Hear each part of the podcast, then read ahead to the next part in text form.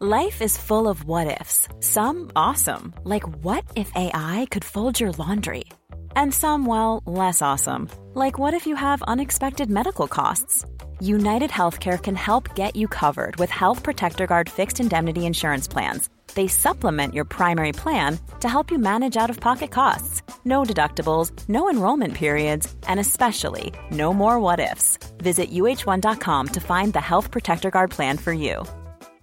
This is Paige, the co-host of Giggly Squad, and I want to tell you about a company that I've been loving, Olive and June. Olive and June gives you everything that you need for a salon quality manicure in one box. And if you break it down, it really comes out to $2 a manicure, which is absolutely insane. It's also so easy to get salon worthy nails at home with Olive and June. The difference between how your nails used to look when you did them yourself and now with the Manny system is a complete game changer. The best thing about Olive and June too is it's a quick dry, dries in about one minute, lasts for five days, and full coverage in up to one to two coats. Visit oliveandjune.com slash perfect manny 20 for 20% off your first system. That's oliveandjune.com slash perfect manny 20 for 20% off your first system. Millions of people have lost weight with personalized plans from Noom, like Evan, who can't stand salads and still lost 50 pounds. Salads, generally, for most people, are the easy button, right? For me, that wasn't an option. I never really was a salad guy. That's just not who I am. But Noom worked for me. Get your personalized plan today at Noom.com. Real Noom user compensated to provide their story. In four weeks, the typical new user can expect to lose one to two pounds per week. Individual results may vary.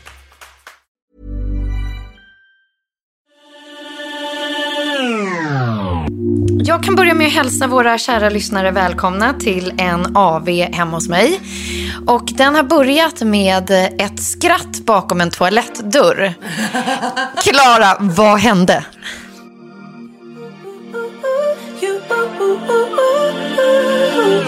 Nej, men jag kommer in då på lilla gästtoaletten här och eh, eh, sätter mig på toaletten och så ser jag att det finns en display. Eh, med, som en liten kontroll som nästan ser ut som en eh, smartphone. Och slår jag på den och inser att det här är då en toalett eh, plus allt, med plusmeny. Eh, och så finns det då någon liten knapp som ser ut som en dusch. Och så har jag liksom hört i Alex och Sigge att Alex har skaffat någon sån där toalett. Så jag tänkte, den måste jag testa. Eh, och trycka på knappen. Och alltså det är det sjukaste jag varit med om. Nej men alltså jag, jag har all... Jag hörde det i ditt skratt. Nej men alltså det roliga är att den, att den verkar ha, ha liksom lokaliserat eh, bajshålet direkt. Att det var, liksom, det var den typen av skratt. Ja, jag vet hur det låter.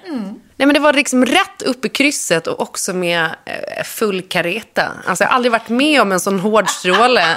Och det är en känsla jag verkligen unnar alla att få uppleva någon gång. Alltså, Alltså gladast kommer min fästman bli när han kommer hem här snart och du berättar det här för honom. För att han brukar annars gilla att eh, demonstrera toaletten. ja, eh, du vill bara säga att jag har aldrig haft ett så rent stjärthål som idag. Och det vill jag fira, så skål! Välkomna till 30 plus trevar. Nu kör vi igång Frågepodden. Bör vi ha en liten um, triggervarning här kanske? Att ljudet inte kommer låta som det brukar låta den här gången. Eventuellt, eftersom livet hände och vi ja, har en mick som inte riktigt funkade och en annan som ligger kvar eh, på annan location. Så vi har en mick, men vi har fortfarande tre eh, poddare. Och nu gör vi vårt bästa för att ändå svara på era frågor, eller hur? Exakt. Och jag har den stora äran att hålla i detta frågeavsnitt så att jag ser frågorna lite i förväg bara. Och ibland så kan man ju samla ihop massa frågor som har rört samma ämne till en fråga. Eh, det känns som att det är väldigt många som är nyfikna på, Klara, vad eh, som händer uppe på vinden, hur det går med alla spökena i huset. Eh, ge oss bara en liten update. Ja, men alltså senast idag så hörde jag ju någonting i huset. Eh, och nu pratar jag inte om den här lilla rotten som eh, har varit för smart för alla fällor som vi har ställt ut. Alla. Alltså det är Sveriges mästerrotte. Eh, mästermus. Eh, men eh, nej, men det är ju någonting som finns där tror jag. Det har varit rätt lugnt ett tag. Men jag känner närvaro, det gör jag. Och man hör konstiga grejer i huset. Det gör man. också Sveriges mästermus. That's what she said. Eh, Tove, jag tar den här till dig eftersom jag kommer rikta de liksom, relationsrelaterade frågorna lite mer till dig och de som rör var och en av oss direkt till oss. Men här har vi första frågan till Toves känslor. Hur lik måste man vara sin partner i intressen för att kunna förstå varandra och ha kul? Vad roligt att du frågar. Välkommen till Toves känslor. Mm. Ja, det finns olika teorier om det här. Det är lätt att, eh att landa i det mycket enkla ordstövet uh, eh, lika barn, leka bäst. Man skulle också kunna landa i opposites attract. Jag skulle vilja hävda att det är bra om man inte är alltför olika. Man, det här med att man ska komplettera varandra så himla väl. Nej, det räcker bara så långt. Mm. Det bästa är om man har lite samma värdegrund, tycker lite samma saker är roliga. Det behöver inte vara identiskt, men det borde ha ungefär samma riktning. Det är vad jag tror. Mm. Så då vill vi bara säga eh, tack från Toves känslor. Här kommer eh, Klara. Eh, är det någon som har fise? Nej. Nej. Jag skulle bara säga eh, ett tillägg till Toves känslor som jag eh, älskar. Du borde ha den där rösten jämt, kanske. Eh, det är ju att jag tycker att det är viktigt att man framför allt gillar samma humor. Mm. Så att man tycker att samma grejer är roliga, för det gör så jättra otroligt mycket i en relation. Mm. Ja. Nej, men det är väl... Håller helt med. Nej, men det är väl det man kan säga när man är 40. Att den där eh, attraktionen man hade till det mest eh, spännande och mest annorlunda eh, karaktärsdragen kanske visar sig sen inte är så spännande. Utan det är jävligt härligt när man kan skratta tillsammans och åt samma sak.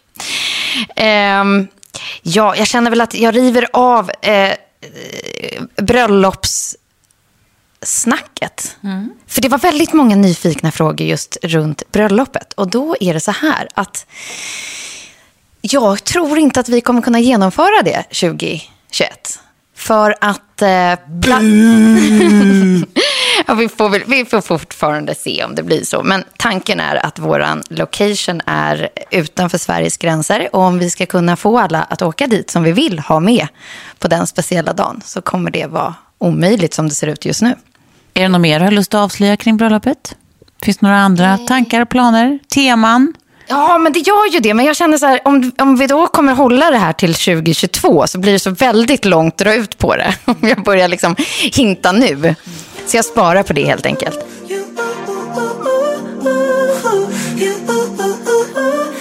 Här har vi en fråga som heter bästa leken på en middag AV. Så får ni fundera lite här. Men det var väldigt kul. Häromdagen så var jag inne på Ganni och eh, så kommer expediten fram och var så här, jag måste bara tacka för Elsa-böckerna. Men framför allt för, för en grej i Elsa-böckerna som jag snodde rakt av och säger är min idé. det är baklängesmiddagen. Hon bara, jag har varit på så många dejter och jag tog en kille framför allt och så berättade jag att det här var ju helt klart min idé. Vi, vi börjar med desserten och eh, äter oss igenom middagen bakifrån.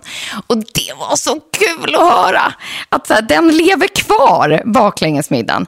Men sen så tänkte jag också på så här, rolig lek runt AV. Alltså de här frågorna som du ställde till oss, Eh, Klara, eh, har vi fått frågor på också. Så här, var hade du hittat dem någonstans? Om man vill fördjupa sin relation just över en AV. Just det. Det, må, det hade jag ju lovat att jag skulle posta på Instagram och det har jag glömt bort. Eh, men jag ska ta fram det, för jag har inte det i huvudet. Mm. Men det är lätt att hitta dem igen. Eh, så att jag ska absolut ta fram det. Men eh, jag tror att man också kan bara googla på eh, 20 frågor för att eh, fördjupa, alltså så här, i relation. Men Tobbe, ja. du som älskar att leka. Alltså, har du någon sån här, du vet det här spelet eller den här grejen eller? Hörde jag lek? Ja, det var mm. det du gjorde. Mm. Nej, det finns så mycket. Det finns så mycket. Världen är din lekground. Eh, så heter det inte. Playground. Vad heter det? Lekplats. Mm. Världen är din lek plats. Eh, är vi på middag, då, ska, okay, då tänker vi så här, eh, sittande middag, då kan man ju inte hålla på och tjoa och springa runt, utan då måste man ju ha, men då kan man ju göra, du vet, allt ifrån sådana, sådana så här, konceptfrågor, typ så här, om du inte, som går runt bordet liksom. Mm. Om du inte gjorde det du gör nu, eh, men du måste välja imorgon vad du ska göra. Vad, vad jobbar du med när du vaknar imorgon? Eh, eller typ sådana här, det kan ju vara skämtgrejer, alltså att man väljer, man, man ger dem två eh, skitäckliga eh, äckliga alternativ och så får man välja ett av dem. Liksom, du vet, sådana här klassisk, eh, vill du ha en kuknäsa eller könshår på huvudet? Typ. Eh, men allt sånt där som blir gå runt bordet-frågor blir oftast väldigt roligt. Och sen så brukar det också ge liksom någonting igen. Alltså så att, att så att någon annan, det väcker en tanke hos någon annan som typ sätter igång någonting mer. Så allt sånt där som blir lite enkätigt tycker jag brukar vara att rekommendera. Om man inte vill ha då ett, typ ett, bord, alltså ett spelspel. Sen efter maten, när man inte behöver ta hänsyn till tallrikar på bordet och sånt, ja, då, då är ju ett heligt gammalt quiz, det, det, det jag, jag, jag vet inte om jag någonsin kommer hitta något som jag tycker är roligare. Ja, charad är kul, men det är svårare att hitta folk till. Här, här Klara. Ja, men jag tänker att du ska få berätta om eh, den leken vi gjorde på nyårsafton. Vi firade nyårsafton ihop. Mm. Och eh, då var det en form av femkamp, va? Mm. Som var väldigt rolig. Mm. Där man liksom, ja men det var allt ifrån då att vi skulle skriva en låt på tema som skulle innehålla vissa eh, ny nyckelord, ja. Det var liksom, ja, men någonting med mjölk och vad fan det var. Eh, så att man skulle då i, i, sin grupp komma på den här låten, texten, eh, hur den skulle låta eller vad det var. Det var någon form av eh, sånt. Till sänka skepp, till... Ja, precis. Alltså, det, var, det var ju fem, alltså, de delade upp oss i lag och sen så var det ju liksom allt ifrån då att vi skulle i första, i första omgången så fick Klara eh, 34, 5 eh, möta Atle eh, 5, 14, 13 igen. Eh, nej, 14 igen i alla fall. I, i eh, anges många eh, länder du kan på bokstaven, vad var det, S? S ja. ja. Eh, vilket blir jätteroligt, så man säger varannan. Liksom, och då gäller det inte vara den som det fastnar på. Att man hoppas ju att det är den andra som liksom torkar ut på alternativ först. Det var liksom en gren, att en i varje lag får, får ställa upp och vara, vara liksom kämpen. En annan gren var ju bara, du vet så här, eh, två i varje lag ska ställa upp och när man har valt två i varje lag då får man, precis som på Fångarna fortet, sån här, eh, eh, det ska vara två stycken som är fysiskt starka, blä, blä, blä. Och sen när man har valt sånt så visar det sig att det är så här, eh, racing, eh, sån här skottkärre-racing, ni vet. Att en ska bara liksom springa med den andra som skottkärra till en punkt och sen byter de lag liksom, och så gör de, eller varv och så gör de så ett par gånger. Bla, bla, bla. Så det kan vara både fysiskt och det kan vara liksom rent så här, eh, snackigt. Eh, jo, den med nycklarna tyckte jag också var genial i all sin enkelhet. Men man bara har eh, en skål med vatten och sen har man ju en miljon nycklar hemma Aha. som man eh, liksom inte använder till något. Mm. Och så är, är, det en liten kopp som flyter på vattnet och så, så delar man upp nycklarna. Eh, eller olika grejer. Det kan vara nycklar, det kan vara game, det kan vara allt möjligt. Kapsyler. Ska du lägga den där och den som lägger den sista som gör att det sjunker men det blir så spännande, för det är också lite taktik i det där. Ja, visst. Mm. Ja, men det är kul med den typen av femkampare. Precis, femkamp överlag, urkul. Men det beror på vilket tillfälle på middagen, som sagt. Underbart, jag tackar. Ni har alla separerat. Vilket råd kan ni ge för att ta sig igenom det på bästa sätt? Ja, alltså det här är så klyschigt och så tråkigt att höra kanske, men det kommer ju vara för jävligt ett tag och låta det vara för jävligt ett tag. Men jag, jag tror liksom att bara lägga lite hopp i att det behöver ta sin tid och man behöver gå igenom det. Man måste liksom äta upp bajsmackan för att sen kunna njuta av det som kommer på andra sidan. Eh, det finns liksom inget bättre sätt att, att förklara det från min sida i varje fall, utan att det var väldigt jobbigt under ett tag. Mm. Ja. Har du något bra tips? Nej, men jag tänker två grejer. Alltså, allt beror ju på så vad det är för typ av separation såklart. Och mm. hur, hur separationen liksom kommer till skott och hur den går till. Men, men utifrån liksom min situation där det egentligen mest var sorgligt. Liksom, det var inte, det var inte liksom krig på något som helst sätt.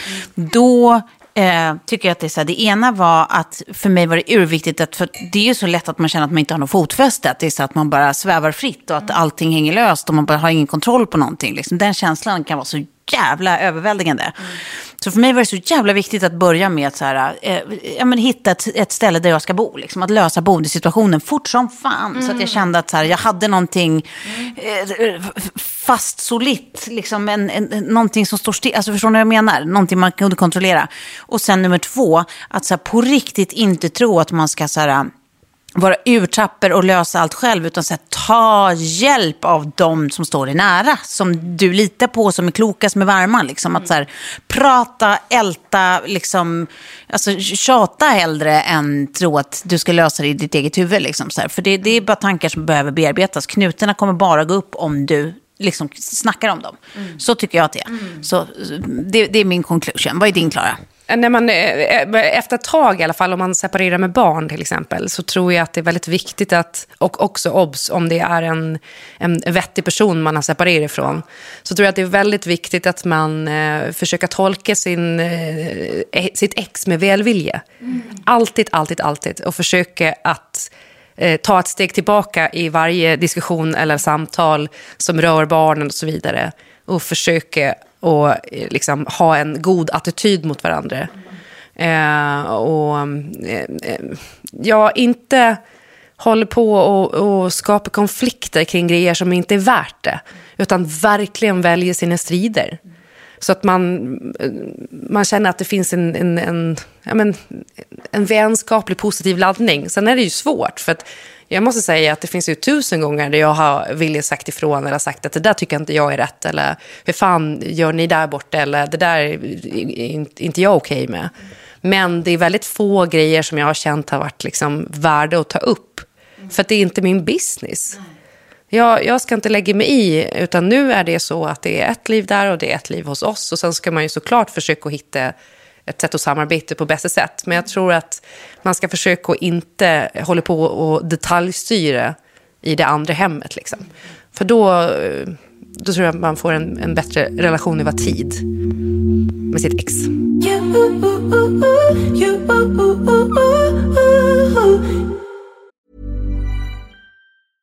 Cool fact a crocodile can't stick out its tongue. Also, you can get health insurance for a month or just under a year in some states. United Healthcare short term insurance plans, underwritten by Golden Rule Insurance Company, offer flexible, budget friendly coverage for you. Learn more at uh1.com. This is Paige, the co host of Giggly Squad, and I want to tell you about a company that I've been loving Olive and June. Olive and June gives you everything that you need for a salon quality manicure in one box. And if you break it down, it really comes out to $2 a manicure, which is absolutely insane. It's also so easy to get salon worthy nails at home with Olive and June. The difference between how your nails used to look when you did them yourself and now with the Manny system is a complete game changer. The best thing about Olive and June too is it's a quick dry, dries in about one minute, lasts for five days, and full coverage in up to one to two coats. Visit oliveandjune.com slash perfect Manny 20 for 20% off your first system. That's oliveandjune.com slash perfect Manny 20 for 20% off your first system system. Ever catch yourself eating the same flavorless dinner three days in a row? Dreaming of something better? Well, HelloFresh is your guilt-free dream come true, baby. It's me, Gigi Palmer. Let's wake up those taste buds with hot, juicy pecan-crusted chicken or garlic butter shrimp scampi. Mm. Hello Fresh. Stop dreaming of all the delicious possibilities and dig in at HelloFresh.com. Let's get this dinner party started.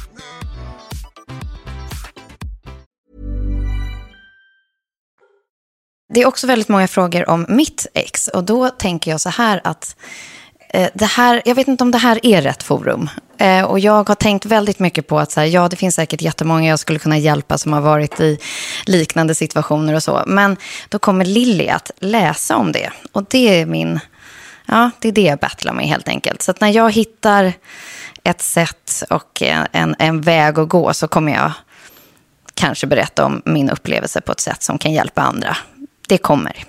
Nu går vi till nästa fråga som heter Vad är det härligaste och ohärligaste med att närma sig 40? Jag, jag kör några spontaner från min sida, sen lämnar jag över till dig Tove så du kan börja tänka. Det härligaste är att man kan säga med lite tyngd att man har livserfarenhet. Nummer ett.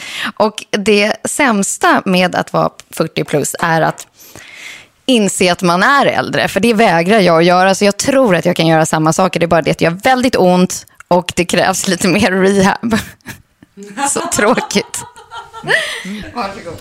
Mm, eh, jag tänker, ja, men det här är kanske lite en förlängning av det du sa, men jag tänker att det bästa med att vara äldre är att man oftast, eh, eller okej, okay, jag ska prata utifrån mig själv förresten. Det bästa med att vara äldre för mig är att jag känner mig jättemycket tryggare i vem jag är. Jag tycker att det är mycket mycket lättare att eh, eh, sortera i vad som är viktigt och inte, och vem som är viktig och inte. Eh, och av rätt anledningar, det vill säga. Och eh, att, att eh, liksom stå på sig och, och vara trygg i att man faktiskt kan saker och vet saker. Och framförallt vet vad man tycker och känner. Mm.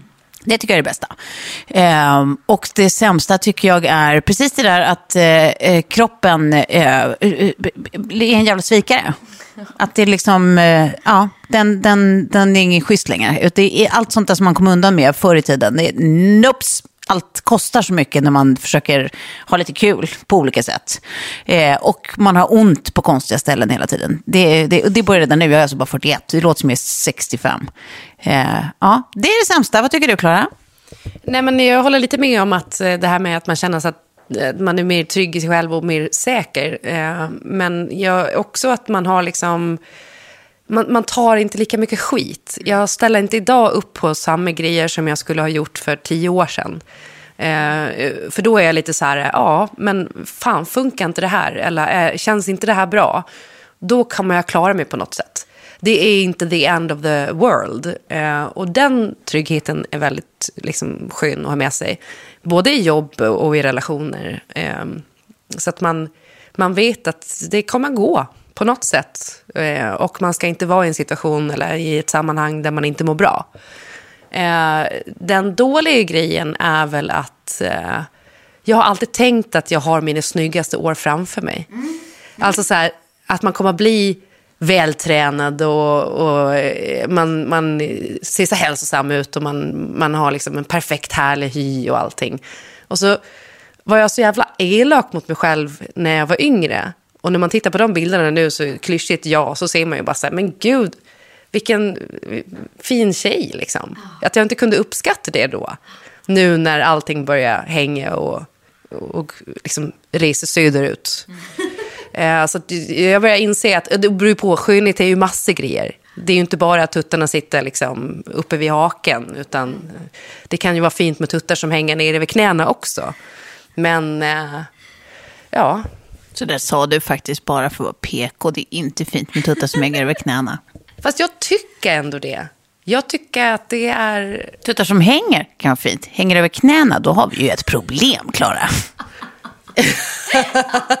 ja, det kanske inte, framförallt är det inte så lätthanterligt såklart. Men, eh, nej, men, man, men man får hitta nya par parametrar för det där och inte vara så fast i att jag ska försöka se ut som jag gjorde när jag var 20. Liksom.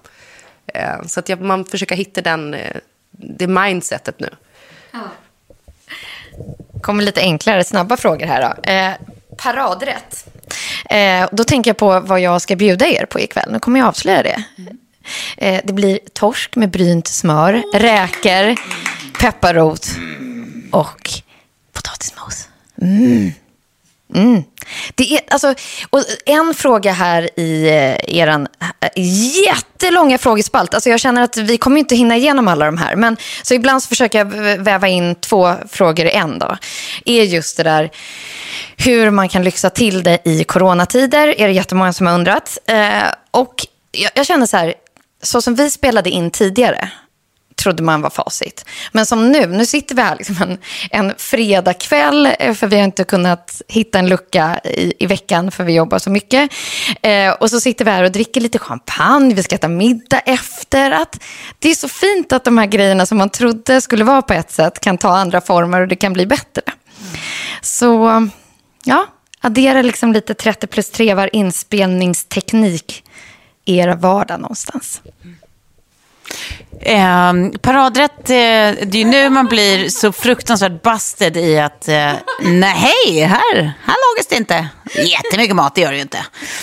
Men du, kan du inte berätta om din eh, homemade gazpacho? Eller nej, just ja, din gazpacho är ju inte homemade, eller? Det här är så jävla okamratligt. Eh, nej, precis. Så jag skulle säga att min paradrätt är, ikväll blir det bara charkisar ost. Kan inte det vara lite mysigt ibland att bara käka charkisar ost? Ja, åh gud, jag skulle säga så. Eh, Eh, jag gillar att köpa mig fri. Man köper bara jävligt mycket goda pata negra och sånt där mulligt. Eh, och ibland lägger man till en liten eh, gazpacho kanske.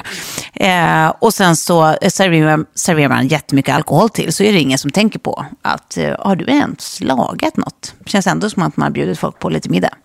Eh, så det är mitt parad. Eh, och efterrätt, eh, det, det enda jag återkommer till är ju Pavlova, PGA. Så fruktansvärt gott jämt. Älskar Pavlova. Mm. så det är väl det. Eh, var det hela frågan? Nej, det var om man skulle liksom så här, lyxa till det lite i coronatider, vad kan man göra då? Just. Men jag tycker att så här, är inte det mat och dryck då? Att man så här, ja. i den mån man kan, det är ju en ekonomisk fråga såklart, men i den mån man kan, kanske så här, äta lite godare än man brukar, så här, laga lite mer så här, rejäl eh, mat som tar tid och som kanske kostar lite mer, lite finare råvaror, lite dyrare viner, alltså, all, allt sånt där. Att man bara skruvar upp de grejerna man fortfarande kan hålla på med och gör dem aningens härligare. Det, det tänker jag eh, känns som en bra lyx. Men nu är det Klaras tur att svara. Ja, men jag måste ju ändå säga att min paradrätt som jag lagar till flest gäster är ju bolognesen för att den är optimal. Du gör det mesta jobbet innan. Så att du kan bara umgås med dina gäster. Och sen brukar jag väldigt ofta köra också ost och charkisar och sånt till lite förrätt, lite plock liksom. Eh, för då, då får man ut mer av middagen än att man ska hålla på och stå och kocka i köket när man kan umgås. Plus att det är väldigt gott. Och sen måste jag säga att jag testade att göra en eh, vegansk bolognese med sån här eh, cashew-parmesan. När man blandar näringsjäst och mixar ihop med eh, cashewnötter, naturelle. Eh, och den blev faktiskt väldigt... Eh, Alltså, det, vad ska man säga? Det finns ett sånt ord eh, på amerikanska som inte finns på svenska riktigt, som heter savory. Mm. Vegansk mat eh, är väldigt sällan savory på det sättet. Men den här var det. Lite smakrik. Och... Ja, men precis. Det finns... Jag här bakifrån. Eh, ja, men exakt. Nej, men, eh, en eh, vegansk bolognese går faktiskt att göra och få den riktigt bra. Eh, så, så sök på jävligt gott. Det är någon influencer, instagrammare. Eh, och bolognese. Eh, så det är ett säkert kort. Och det är alltid lyxigt när någon har lagt sex timmar på en maträtt, såklart. Dessert eh, brukar jag köpa färdig, eh, sån här eh, från Picard. Antingen crème brûlée från Picard som man bara kör in i ugnen Eh, superlätt, smidigt. Eller bara glass med ch chokladsås. Alltså, ja, det funkar. Jag har hört att det finns en bra där, eh, chokladfondant också därifrån. Har du testat den? Nej, jag har inte testat den. den... det här var ingen sponsor alls, utan faktiskt bara ett tips. Ja, det blir högt och lågt här. Hur hanterar man bäst ett negativt gravtest när man vill ha ett positivt? Oh. Har vi alla varit med om det här? Mm. Nej, jag har faktiskt inte det. Mm. Har du några bra tips, Klara? Nej, men jag blev lite knäckt av det där. För vi försökte ju igen sen och, och, och skaffa ett syskon till Sam. Och kände liksom, när vi hade hållit på och när man tog negativa test efter negativa test. Att eh, jag gav upp. Men då hade jag ju liksom två barn sen innan. Så att jag kan inte ens föreställa mig hur det känns om man inte har något barn. Ehm, Ehm, och verkligen vill ha barn. Ehm, så, att, så, så jag har inget tips. För att jag, jag, jag gav ju upp som sagt. Men jag förstår att man inte vill göra det om man inte har något barn. Mm. Jag har ju jag har faktiskt eh, inte upplevt det här, eh, eh, tack och lov. Men jag vet inte, det känns som man bara kan spekulera. Men det kanske, det kanske är liksom inte vet inte, det är magstarkt att ens spekulera i, i något man inte upplevt själv. Men jag gissar att man, att man liksom får försöka... Alltså, jag gissar att det är superprovocerande med folk som ska vara så här hurtiga och bara, då ska du bara upp, upp igen, upp i sadeln och någon gång kommer det hända och annars så kan jag alltid adoptera och, eh, och, och jag menar så här, vill man, har man bestämt att man vill ha ett biologiskt barn i, i den mån det går så förstår jag att så här, det är klart att man ändå vet att man också skulle kunna adoptera om det är så. Det, men det är inte den trösten man behöver i den stund besvikelsen faller in. Liksom.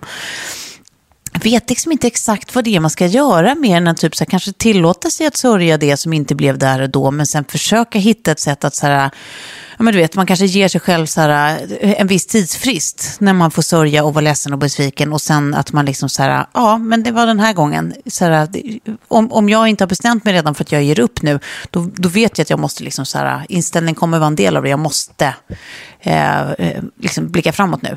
Så det kanske är det där, att man ger sig liksom en tidsfrist att sörja det rakt ut och sen försöka liksom hitta sätt att, eh, att se just på saken och, och tänka framåt.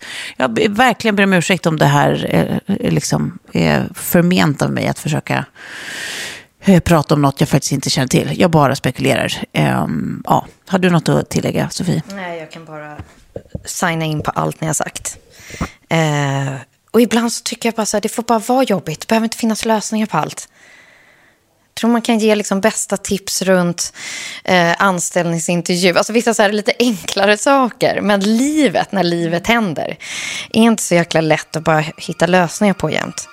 Får vara vad det är. Här var en fråga som var ganska rolig tycker jag. Berätta hur ni skulle styla om varandra om ni fick fria tyglar. alltså är inte det en alltså, jättebra fråga? Eh, och, och då tänkte jag på liksom Klara rent, du har ju haft så många olika utseenden sen vi började spela in eh, hårmässigt. Det, det är, jag, jag tror att jag ger dig en komplimang för ditt hår varenda gång vi ses. Och sen till slut jag bara, nej men jag kan inte fråga om du har gjort något nytt med håret igen. men jag känner, där du är nu, där ska du vara.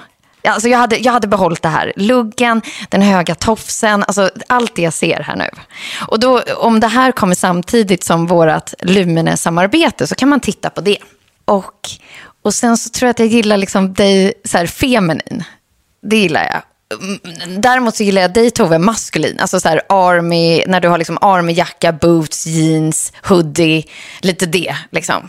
Passar dig så jävla bra. Och sen det här lite längre håret. Väldigt fint också. Så det, nu är det egentligen ingen omstyling utan snarare bara hålla kvar i vi- vissa saker. Att så här, det där.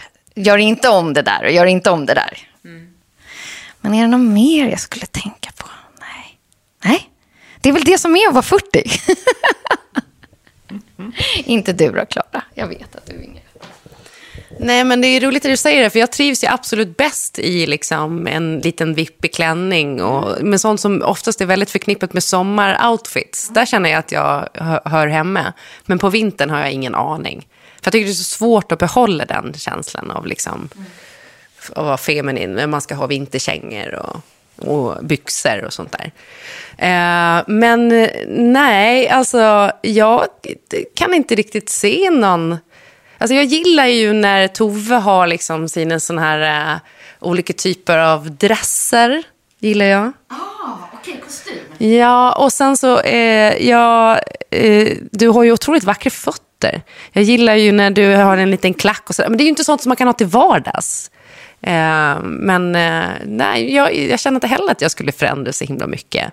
Sofie, jag gillar, jag, jag, jag kommer ihåg när vi tog de förra poddbilderna när du har så här, eh, typ en t-shirt, jeans och de här Anine Bing-bootsen. Att det är en sån jävla bra så här, eh, style som är liksom lite rockig men inte för rockig. Eh, men, eh, men också så här, eh, du pull off a white t-shirt like nobody else. Alltså det finns ingen som... Nej, men, men, men på riktigt, alltså så här, den eh, ganska enkla stilen eh, och sen eh, ja, men, håret som du har nu.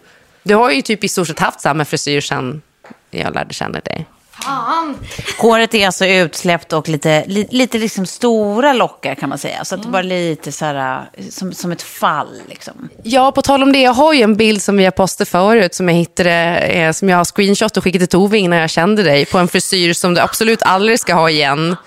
Med några slags små, små kruslockar.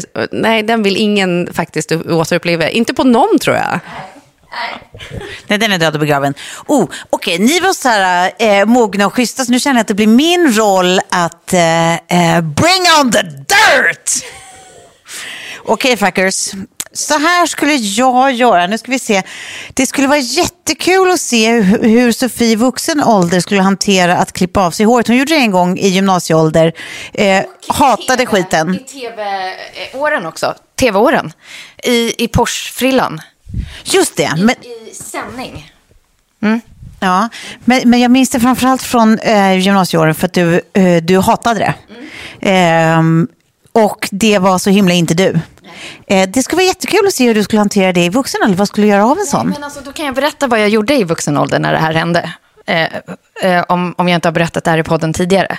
Men det var när vi hade lyckas få tag i Victoria Beckhams hårstylist som skulle flyga till Stockholm bara för att klippa mitt hår. Um, och där och då så blev det ju lite, lite pressure på mig. Det är inte då man säger att du kan få toppa det. Han har ändå flugit in. Så i eh, sändning så, så hör jag mig själv säga att så här, ja men, go ahead, du får liksom fria händer.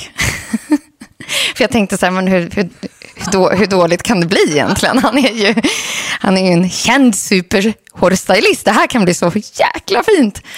Och sen så sitter jag liksom i det här havet av hår på golvet eh, och inser att han har i, i stort sett bara kopierat den här eh, korta, eh, uppklippta, snea parsen som han precis har klippt på Victoria Beckham.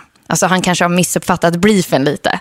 Att vi hade ju inte önskat att han skulle göra exakt likadant på mig, men det gjorde han ju. Och då minns jag att jag fick be sig inslagsproducenten innan jag skulle ava programmet att så här, gå och hämta liksom, ett glas vin som jag får svepa. För att annars kommer jag inte kunna titta in i kameran och säga att och kolla vad fint det blev och så avslutar vi. Vi ses nästa vecka. Ja, det var det. Nu ska jag hitta en ny fråga, så jag ger micken till dig. Okej, då skulle vi klippa av håret på fart. Nej, okej, men om jag, om jag inte ska vara taskig då, då så skulle jag, eh, då skulle jag faktiskt, jag älskar ju att se dig i uppsatt hår, det vet ju du. Det säger jag varje gång du har uppsatt hår. Eh, att du har, eh, du har perfekt huvud för, för liksom stramt hår bakåt. Eh, det tycker jag är väldigt klädsamt på dig. Det skulle, det skulle bli din signature. Och sen, eh, och sen, jag gillar ju också när du har, typ som när det var lite, när det var som lite varmt i höstas. Och du körde den här, eh, du vet, som ett sån här, vad heter de här linnena som är liksom som ett brott, alltså eh, inte brottarlinne utan de här som har liksom lite bredare kanter upp till, men det är inte en t-shirt, det är mellan t-shirt och linne liksom. Du hade en sån svart och jeans och boots. Så att det är så lite, lite, lite cool med liksom. Den, den stilen gillar jag på dig. den då. Det är, lite same, Ja, ja. Eh, och Klara, jag håller nog med om att jag, jag gillar också det här eh, lite feminina samtidigt som jag ser väldigt mycket dig med den här eh, Anine Bing-rutiga liksom, eh, overcoaten och sånt. Eh, men jag gillar ju långt hår på dig. Eh, det, det tycker jag verkligen du klär i. Och när det är så här, men som det är nu, att det är så här, så, som ditt naturliga hårfärg, så är det lite, lite blont liksom i det. Eh, det tycker jag är väldigt snyggt. Eh, om jag skulle ställa till det för dig riktigt som att klippa av Sofies hår, hmm, åh, vad skulle jag göra då? Då skulle jag kanske göra dig till någon form av, kan du vara någon gotare tror jag att du skulle tycka var svårt? Dit kanske vi går då. Ja? Ja, men jag har varit det. Alltså när jag var tonåring så hade jag ju kolsvart hår, jag hade nithalsband, nitbälte och bara rött och svart på mig. Så att jag har ju testat, inte så mycket got kanske, det var mer så här rocktjej-stilen. Men eh, I hear you, will never go goth. Men din själ är svart som synden. Skojar. Vad i era karriärer är ni mest stolta över? Ja, kommer man in i mitt hemmakontor så ser man vad jag är stolt över. För att jag har en tendens att visa det då. Men eh, det kommer bli böckerna. Och det är någonting som jag vill liksom tillbaka till också. Det är då jag kände mig liksom som, som nöjdast rent eh, karriärsmässigt. Att också eh, vara stolt över det jag gjorde. Och eh, ska man säga, utvecklades mest också. Nu, nu känner jag mest att så här, ja, det är väldigt mycket som går på rutin. Jag skulle vilja tillbaka till det där liksom, pirret i att inte riktigt veta exakt hur man ska göra sitt jobb. Eh, alltså utmanas dagligen och också få liksom gå in i, i skrivarlivet lite igen. Att ge sig in liksom i att, i en ny värld. Det skulle vara jättespännande. Så att eh, alla böcker som kom, och det, det blev sju, från tryckeriet är jag lika stolt över. Mm. Klara? Jag måste säga att jag är mest stolt över att jag sa upp mig från SVT. För att det, det var ett sånt jobb. Jag kom liksom in, eh, fick en fast anställning direkt utan provanställning. Vilket inte händer. Det är som att vinna på Lotto liksom. Eh, och allt var supertryggt och det är jättebra pensionsspar och det finns utvecklingsmöjligheter i företaget och så vidare. Men eh, när jag hade varit där i fem år så kände jag, när det började komma in nya människor i, på företaget, att man hade den där inställningen att så här, nej men det där kommer aldrig gå, för det här är SVT. Den som de hade när jag började själv. Och kände att det är så otroligt många på det här företaget som borde säga upp sig och inte ska vara kvar där. Men de tror inte att de har valmöjligheter. Och vissa kanske inte heller har det, så det får man ju också respektera såklart. Men att känna att så här, nu ger inte jag så mycket tillbaka till det här företaget. Och eh, då är det dags att lämna. Och så känns det också som att när man har ett public service-jobb så har man ett ansvar. Eh, för att det är liksom licenspengar man, man gör innehåll för. Och känner man då att, att gnisten är lite död, då kan de få in annat eh, folk med gnista. Och också, jag, jag försökte göra jättemycket förändringar under tiden jag var där och lyckades med ganska mycket av det. Så det är jag också stolt över. Men till slut så orkar man liksom inte springa med huvudet före in i en vägg. Eh, och det har jag, tror jag, berättat om förut i podden. Men, men det är jag nog absolut mest stolt över.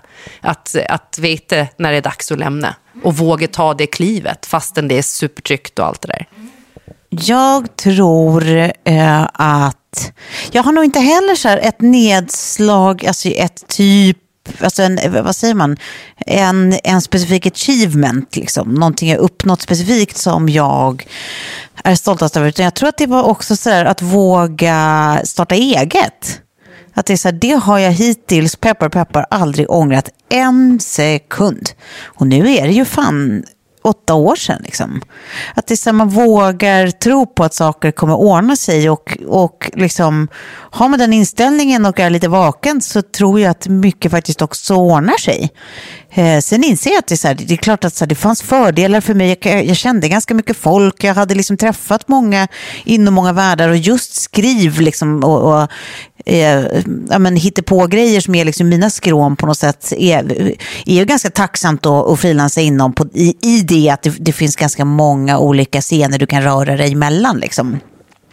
Men, eh, men just det där att, att eh, det är samma som för dig Klara, att, att våga lämna någonting som var liksom tryggt. Eh, för, att, för att satsa på någonting som var läskigt men kanske eh, eh ja, jag vet inte, mer uh, uppfylling på något vis. Uh, det är jag jätteglad att jag gjorde. Uh, och hittills uh, känns det som att så här, det, det, inte, det finns inga alternativ. Jag har svårt att se att jag går tillbaka. Men who knows, det, så känns det idag. Som sagt, det finns vissa som, som, som är återkommande. Och det är faktiskt så, Tove, att det är ganska många som undrar. Dejtar du någon? Och hur står det till med ditt kärleksliv? Kul att ni frågar. Eh, jag dejtar inte någon. Och det är jätteskönt, skojar bara. Det är det verkligen inte. Det är så jävla tråkigt. Jag önskar verkligen att jag dejtade någon. Men jag, eh, det är som att alltså, ribban höjs hela tiden för vad som ska vara värt min tid. Förstår ni? Att man blir så um, otroligt bekväm. Um, så det är som att jag, så här, alltså, det ska så mycket till för att jag tycker att det ska vara så här, värt ansträngningen. Typ. Och egentligen så vill, så vill jag ju verkligen bara träffa någon. Men, men det är som att jag inte orkar, alltså, jag, jag får inte ihop det i huvudet själv ens. Det är svårt att förklara för någon annan. Eh, men det enkla svaret är nej, jag träffar ingen. Och eh, eh, that kind of sucks man. Ska jag göra en på norsk? Vad är deras största utfordring i livet? Vet ni vad det betyder? Jag vet inte heller. Vad är utfordring? Och vad har dere blivit mest sårt över? Och sårat var ju, eh, nuddade vi ju där i, eh, vi har, vi har precis svarat på den frågan i ett tidigare poddavsnitt. Men vad ska vi tro att största utfordringar? Utmaning. Utmaning i livet, vänta, vad är deras största utmaning? Okej, den största utmaningen hittills jag har haft i livet eh, var utan tvekan att bo eh, i... Eh, ja, alltså, när jag bodde i New York hade jag bestämt det själv och jag hade mitt jobb där, mina vänner där eh, och, och, och mitt liv där och då. Sen så flyttade jag till, till, till Schweiz, där har ni också hört flera gånger. Men då hade jag varken eh, mitt liv, mina vänner eller mitt jobb eller min familj där. Och då blev det en så stor utmaning i att hålla kvar vid allt. Alla de här benen som livet är uppbyggt på. Att fortsätta liksom kriga för karriär, eh, eh, hålla kvar i kompiskontakter, vara en bra eh, syster, dotter. Eh, ja, men hålla i alla kontakter och samtidigt då eh, liksom leva i en, i en dålig relation så att energin inte alltid fanns där. Eh, det, det var liksom den största utmaningen i mitt liv och också det som jag är mest stolt över rent, om man inte pratar karriärsmässigt utan mer livsmässigt, att, att eh, jag lyckades ta mig ur det och, och, och starta om och eh, Ja, göra en förändring helt enkelt. Men det var liksom en, en, en, en utmaning som kommer att, eh, som har gjort mig ödmjuk och också alltid funderat över när jag träffar människor vad de har i sitt lilla bagage. Vad har varit eller är er största utmaning i livet nu, Klara? Eh, eh, nej, men, min största utmaning är väl att hålla mig på rätt, sidan och, rätt sida av galenskapen. Eh, nej, men med, med psykisk ohälsa och sånt där och känna att man liksom kan vakna upp varje morgon och försöka känna att man är tacksam för grejer och glad och, och fokusera på det. Eh, min största utmaning eh, till denna dag tror jag ändå var att eh, ta mig igenom gymnasiet. För jag hade en period där jag mådde ganska dåligt av olika anledningar och jag gick inte till skolan, jag var en hemmasittare. Mm. Eh, och eh, kunde inte ta eh, studenten egentligen. Jag, jag var ju med på studenten. Men jag hade ju egentligen inte ett riktigt eh, komplett eh, betyg. Alltså jag hade inte tagit studenten på pappret. Och fick ju gå in och, och göra klart på komvux och sådär.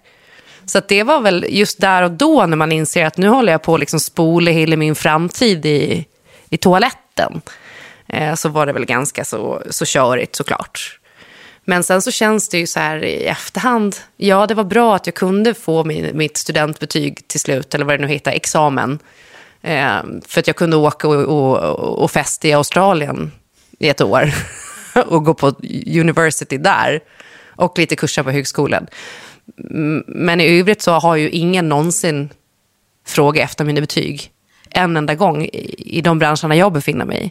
Så jag hade ju egentligen kunnat gått ut utan en studentexamen, om man ser på det. Men det är ändå skönt och tryggt att ha det i bakgrunden, att så här, ja, jag klarade matte B till slut. Eh, ja, men jag har fortfarande IG i idrott. Mäktigt ändå. Mina två största utmaningar i livet, den ena har varit när jag och Kalle fick Sigge och hon inte sov typ första ett och ett halvt året. Eh, några längre perioder liksom, utan det var i princip vakna en gång i timmen från att vi la henne till att hon, eh, till att hon gick upp på morgonen. Eh, då, alltså det, det var faktiskt fruktansvärt, för man, det var som att man blir en annan, man blir psyksjuk liksom. Eh, och, och, och vi var liksom två psyksjuka och det var så lång tid som det höll på så här. Så att det var, eh, fy fan, det var inget roligt. Um, det var utmaning nummer ett. Den andra var ja, men hela det där att gå igenom egentligen en separation. Um, med barn och uh, oroa sig liksom, alltså, dels över då, så här, ekonomi, hur ska allt gå till när jag är frilans och ska ha liksom, ett singelhushåll med barn. Alltså, så här, man kan inte vara lika, liksom, eh, vara ett, ett, ett, frö, ett rö i vinden eller vad fan det heter. Utan det är verkligen så här, alltså den oron samtidigt som man ska bearbeta sorgen, samtidigt som man måste göra tusen praktiska saker på en gång, samtidigt som jag var svinsjuk i sköldkörteln utan att ha hade fattat det då. Så det var så jävla mycket samtidigt och jobbade hur mycket som helst. Så det, det, var, liksom, det var en period när, wow, eh, det fan susade i säven. Men, eh, eh, men, men fan, man klarar ju det också. Alltså, man fäller ner och, eh, och, eller jag gjorde ska jag säga, man, det finns ju ingen prestige i det. Jag hade tur och, och tog mig igenom det. Eh, och det är jag jätteglad över att jag gjorde. Eh, men det var en satjävel till utmaning. Eh, och idag vet jag fan inte vad jag har för huvudsaklig utmaning. Jag får suga på den lite. Men det susar i säven. Vi måste sluta. Jag tyckte, som jag tyckte var så gullig som vi fick här också.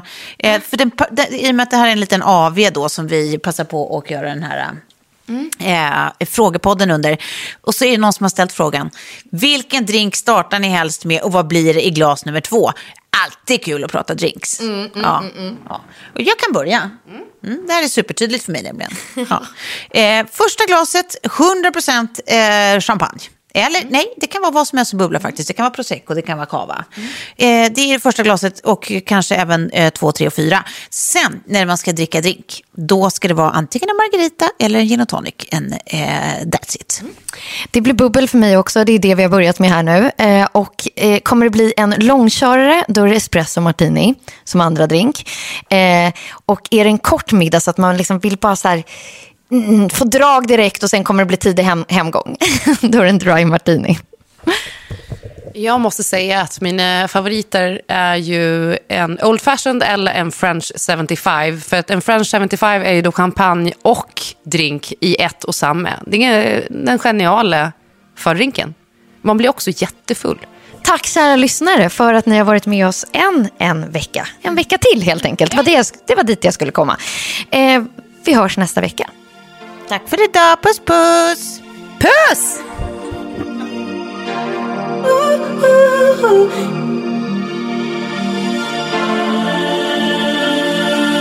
En podd från Allermedia. Ever catch yourself eating the same flavorless dinner three days in a row? Dreaming of something better? Well, HelloFresh is your guilt-free dream come true, baby. It's me, Kiki Palmer.